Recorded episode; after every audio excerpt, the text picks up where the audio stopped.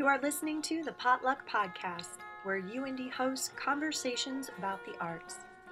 In this episode, UIndy students, creative writing major Taya Eckel, finance and professional writing major Kara Wagner, and professional writing major Sarah Perkins interview the 2018 Whirling Prize winning poet.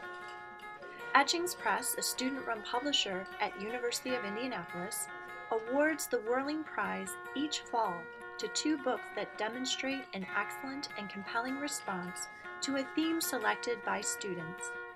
The 2018 theme was disability, and the student judges talk with Christine Stewart Nunez about her winning collection, Blue Words Greening.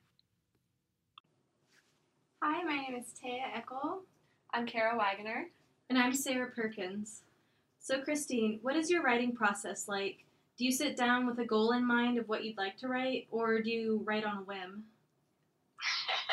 that's a really great question, and it's one that's embedded in my theory of creative practice. So, that practice is has three recursive parts, and they're called principles, perspective, and practice. And so, in terms of catching ideas uh, in, for writing, I like that phrase, catching ideas. It comes from David Lynch, but people like Elizabeth Gilbert talk about it too in her book, like Big Magic, where she talks about like ideas existing in the world is out there. But uh, the the perspective is developing an awareness in the world, like walking through the world with an awareness that anything could be fodder for a poem. And it can be looking through the, at tensions or um, problems or images that suggest interesting juxtapositions or anything that my mind catches and says, hmm, this might this might be something to use or something to write about or just something to remember. And and as I develop as part of writing practice, then I, I try to facilitate the catching of these ideas by getting my butt in the chair to, to write every day or every other day and coming up with what I call like invention drafts or invention work, like early drafts. So I try to always keep an eye open for what's going to inspire me and then write it down, even if I don't work on that idea or develop it into something right away if I'm if I'm sitting down to write every day, then the muscles are ready for me to develop it if that's what happens with it. So yeah, I never I mean writing on a whim, yes, but I never wait for the whim. if that makes sense. I I always sit down whether or not I have an idea and work work with what I've got. Mm-hmm. In Blue Words Greening, you have a few poems that emulate other works. Who do you draw inspiration from as a writer?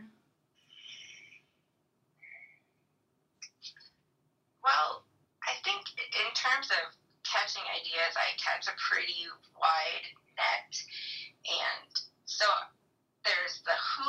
Who do I gather? Who do I get ideas from? Yeah, like other what poets. do I gather ideas from? So each of my books I kind of have a different inspirational track for them.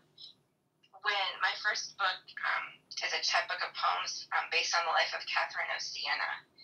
And so history becomes something I look for for ideas, and it could be a per, like for, for for me, Catherine of Siena was a fascinating historical and mystical figure, and so that's the who in that book. Uh, my next book was Unbound and Branded, and that was a book of poems based on Kate Moss. So in a way, she was the who that inspired that, or actually images of her in this 40-page portfolio of fashion fashion magazine W is what inspired that that book and then science and architecture, sometimes theory, sometimes other writers. And I know that in Blue Word, in um, Blue Word Greening, I the poem 13 Ways of Looking at a Blue Word, uh, it's, it, I'll use that as an example. I, I didn't look to Wallace Stevens directly for inspiration, but I, I'd always kind of laughed and at that because everyone seems to have a 13 ways poem. And I'm like, I'm never going to write a 13 ways poem. That's just what everyone does. And I'm not a huge fan of Wallace Stevens, to be honest with you. Um, but what the, when I was working on these, on trying to articulate the aphasia that Holden experiences, that poem just kept popping. Wallace Stevens' poems kept popping into my head, and so I, I sat down and I studied it for a long while, and I tried to figure out, tried to remember from undergraduate days what he was doing in that poem, and so I, I used that as kind of a structural soundboard for my ideas, but. I wouldn't say like he definitely definitely he, that inspired the poem. It was more of a of a structural soundboard for what I was trying to do. Your website mentions that you write at the intersection of experience and research. How did that combination influence the creation of this collection, Blue Words Greening? Well, um, that's, I mean, okay, so going back to that idea of, of the, of my creative practicing principles, perspectives, and practice, uh, I, I thought research through for my son's um, for, for the Landau-Kleffner syndrome and for epilepsy. So I was doing a lot of research in medical databases and trying to understand, you know, just what epilepsy what is and, and how it affects the brain, and then later on.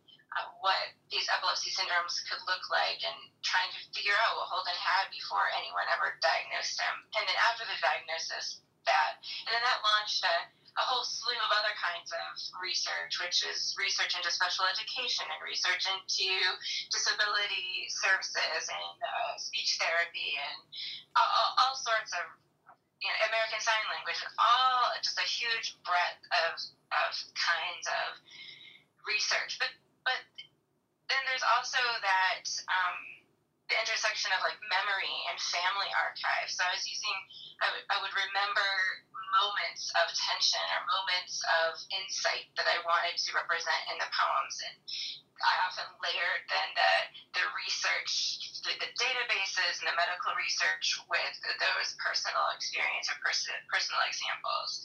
I use a lot of photographs in terms of like the family archives and looking at photographs to just remember things and um, in mind for like sensory details that I may have forgotten. But I, I also, I mean, I one of the reasons I love to write is I love to do research. I just like to fall down the rabbit holes of research. So, like linguistics and theories on language and learning, I, I was reading about that a little bit, and that influenced this book. Uh, American Sign Language, learning that influenced this book.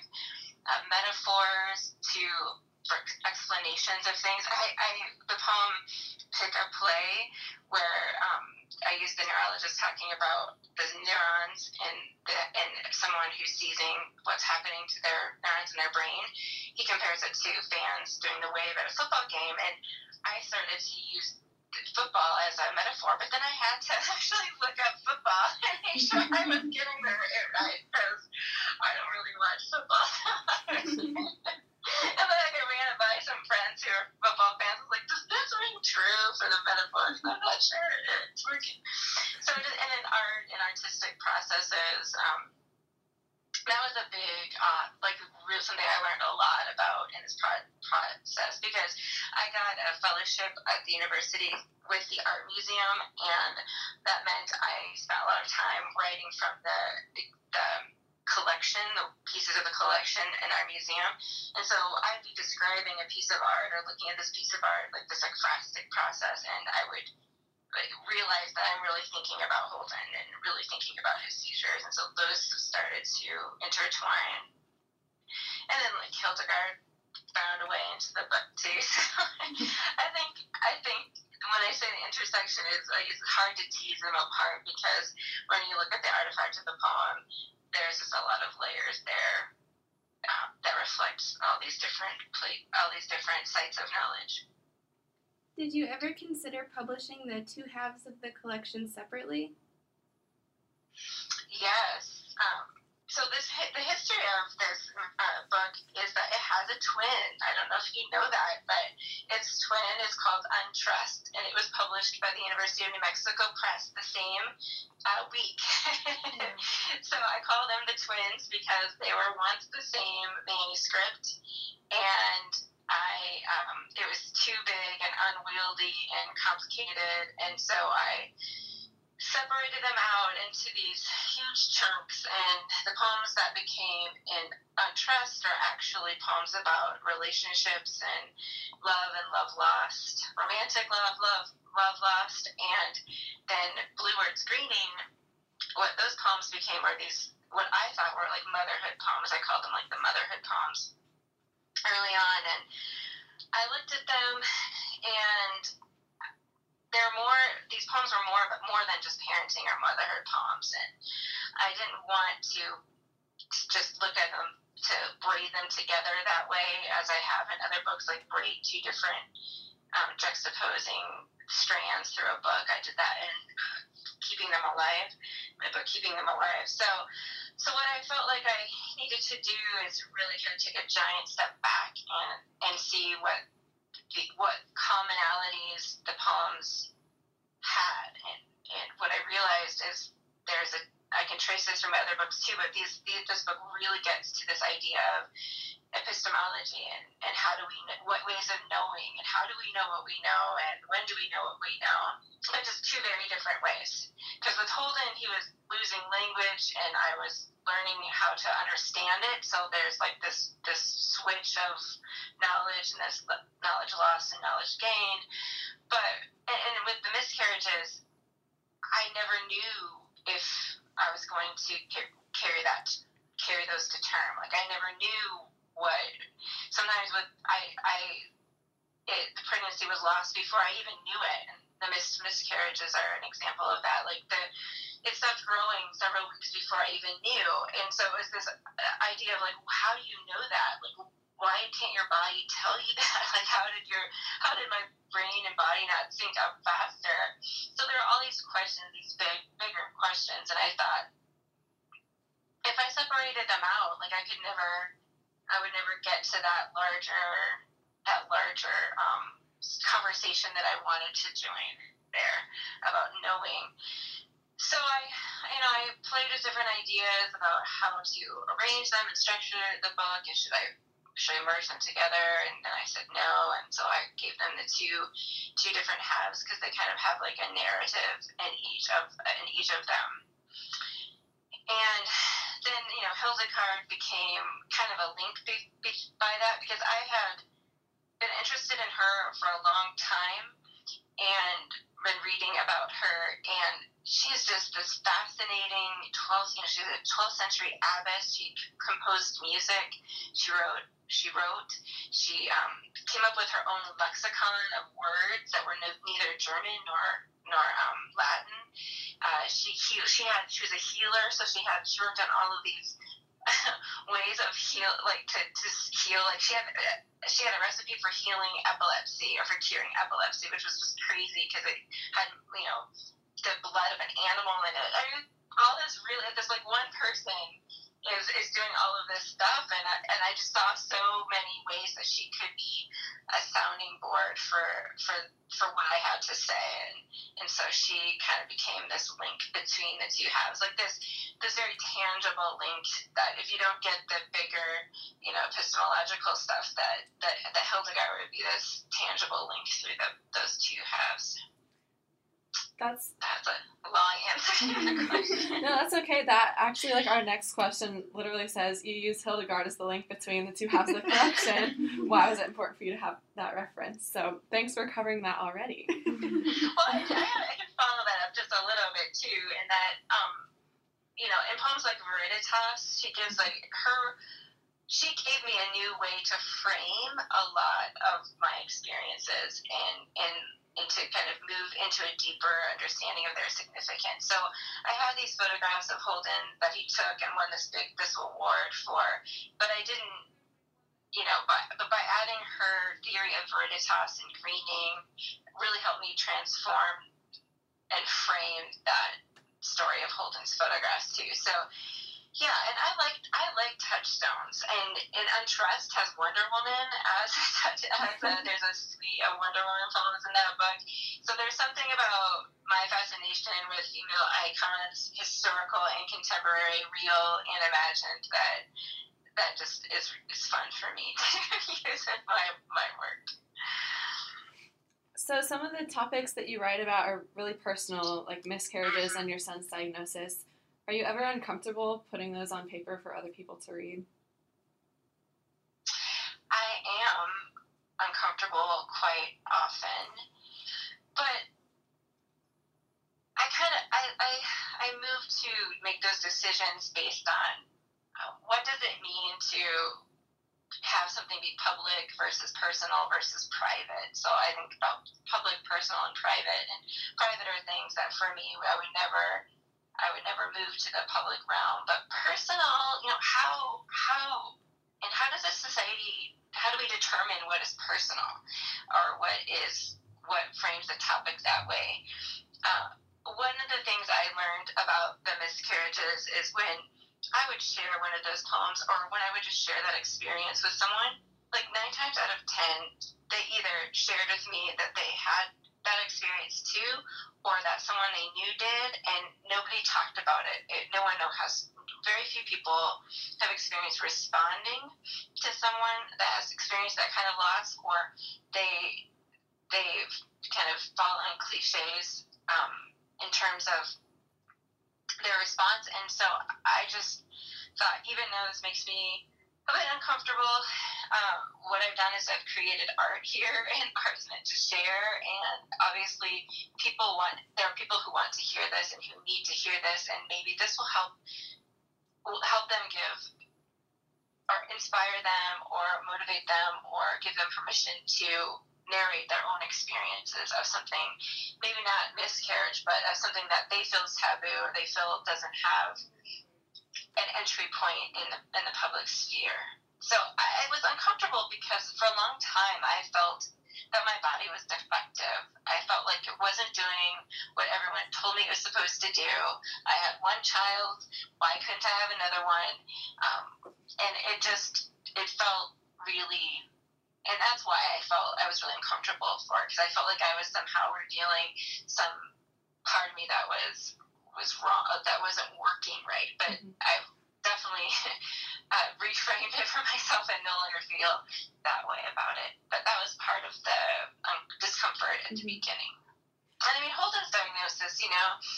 I wish it could be kept private. There's just no way we could ever go out into the public sphere and, and um, and have keep it secret because right now even though he's getting so much better he's not having meltdowns and he's not having tantrums like he used to in public places he has voice modulation problems so he's shouting constantly. I mean it's hilarious and, and it's kind of embarrassing say but like he just he's like hey! You know he, yell, he just shouts super loud and so everyone who spends any amount of time with him is going to know that there's something different about this kid, and they might as well know why, and um, hopefully they'll understand that they'll treat other families differently when they're in public and they see a child acting in a way that they don't think that child should be acting. Maybe instead of assuming that the child is a brat or the parents don't know what they're doing, maybe they'll think, oh, maybe this child has special needs, or maybe things aren't what they seem with this child in this family. Like maybe there's another explanation.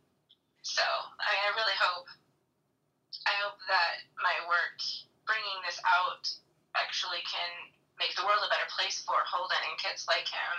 And to keep that to keep that to myself wouldn't be fair to them.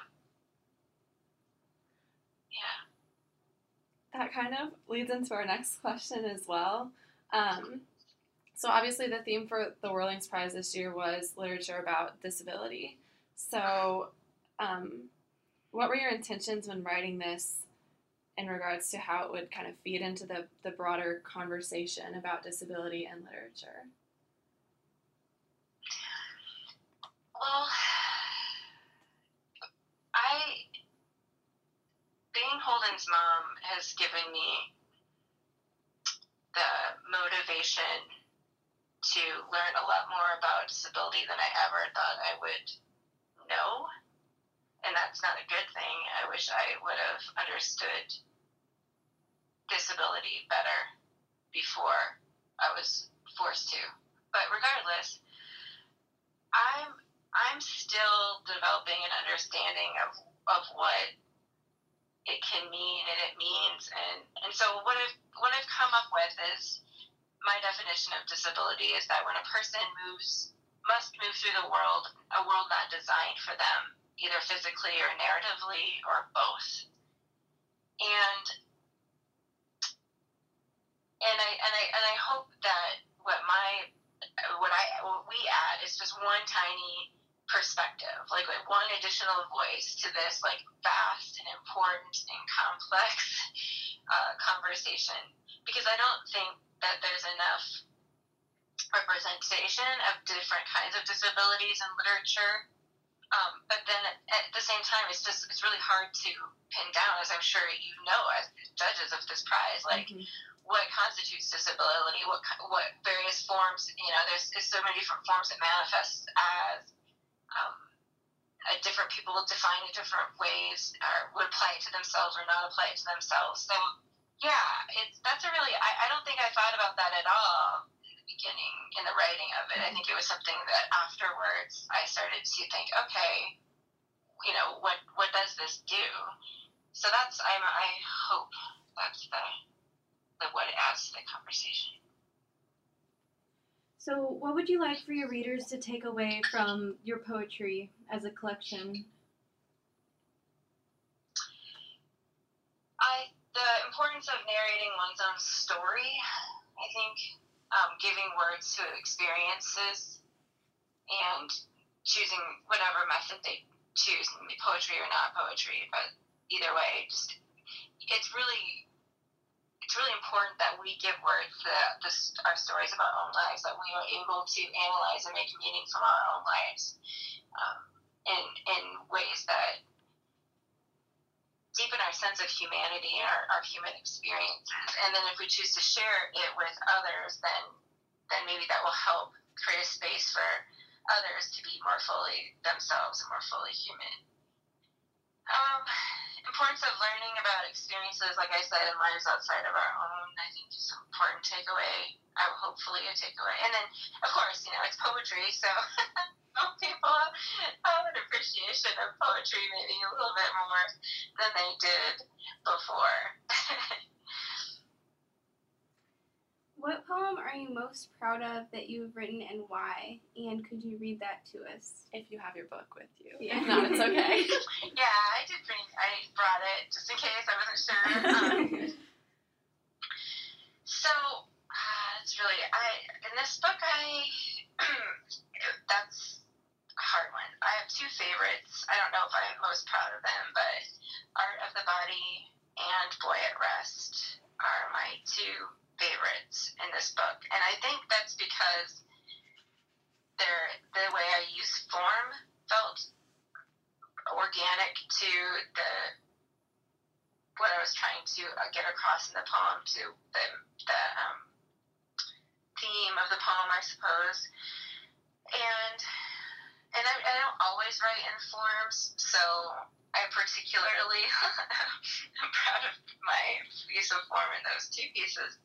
And then, um, but then there's another one too, Gladiolus, that I really, I really, I'm proud of, and that's because my brother, who's a filmmaker in Los Angeles, he actually made a, a 90 second film based on that poem which I, I think it was after that I became one of my favorite poems because I got to collaborate with him and it just seeing his interpretation of that poem was just really moving to me.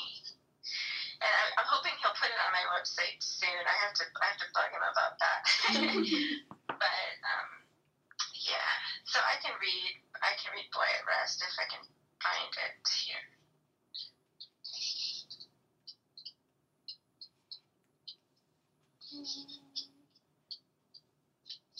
It's crazy not knowing that your what pages your own poems are. There it is.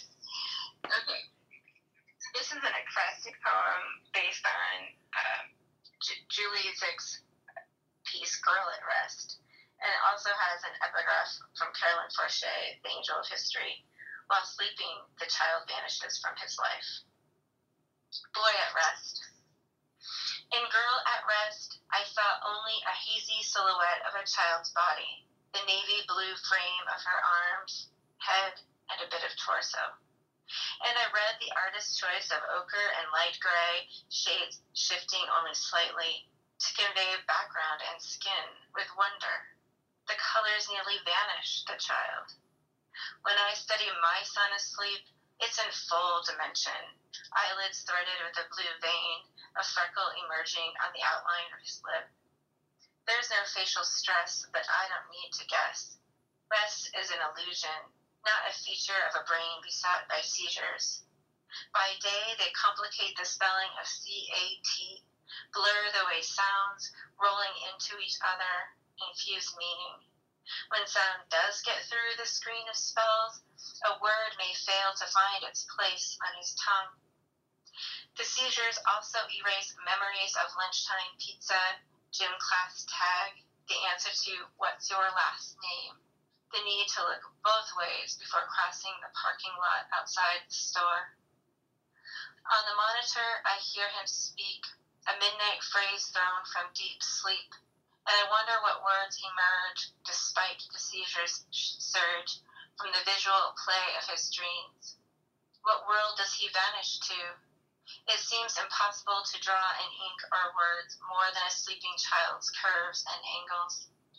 When I tiptoe into his room to retuck his blanket, I'll only assume that wherever he's at, he'll come back. Thank you. Yeah, and one of the one of the one of the something that's like embedded in that poem is also that there's this um, phenomenon called SUDEP. It's sudden unexplained death in epilepsy patients, and it happens um, when people with epilepsy pass away in their sleep and they really don't know the causes yet. It's not from an obvious seizure that they can see. So that was always like that's always a fear in the back of my mind. That's why I have monitors on him in his in bed. Um, so yeah, that's always a it's always kind of a scary poem to read out loud because it reminds me of those possibilities. But that's exactly the reason it needs to be out there. Well, we all so enjoyed reading your collection. We're so thankful for your submission. Um, I think we all learned a lot just as readers and as people um, from this topic and just from the, the various submissions and the different ways that people define disability. So that is all of our questions that we have for you. Um, but if there's anything else that you'd like to share with us about this collection, please feel free to. If not, then we'll edit and wrap up. You did, a great, you did a great job with questions, and I really want to thank you because this has been a huge honor for me and quite fun to see the process unfolding about the podcast and, and everything else. So thank you very much. Thank you.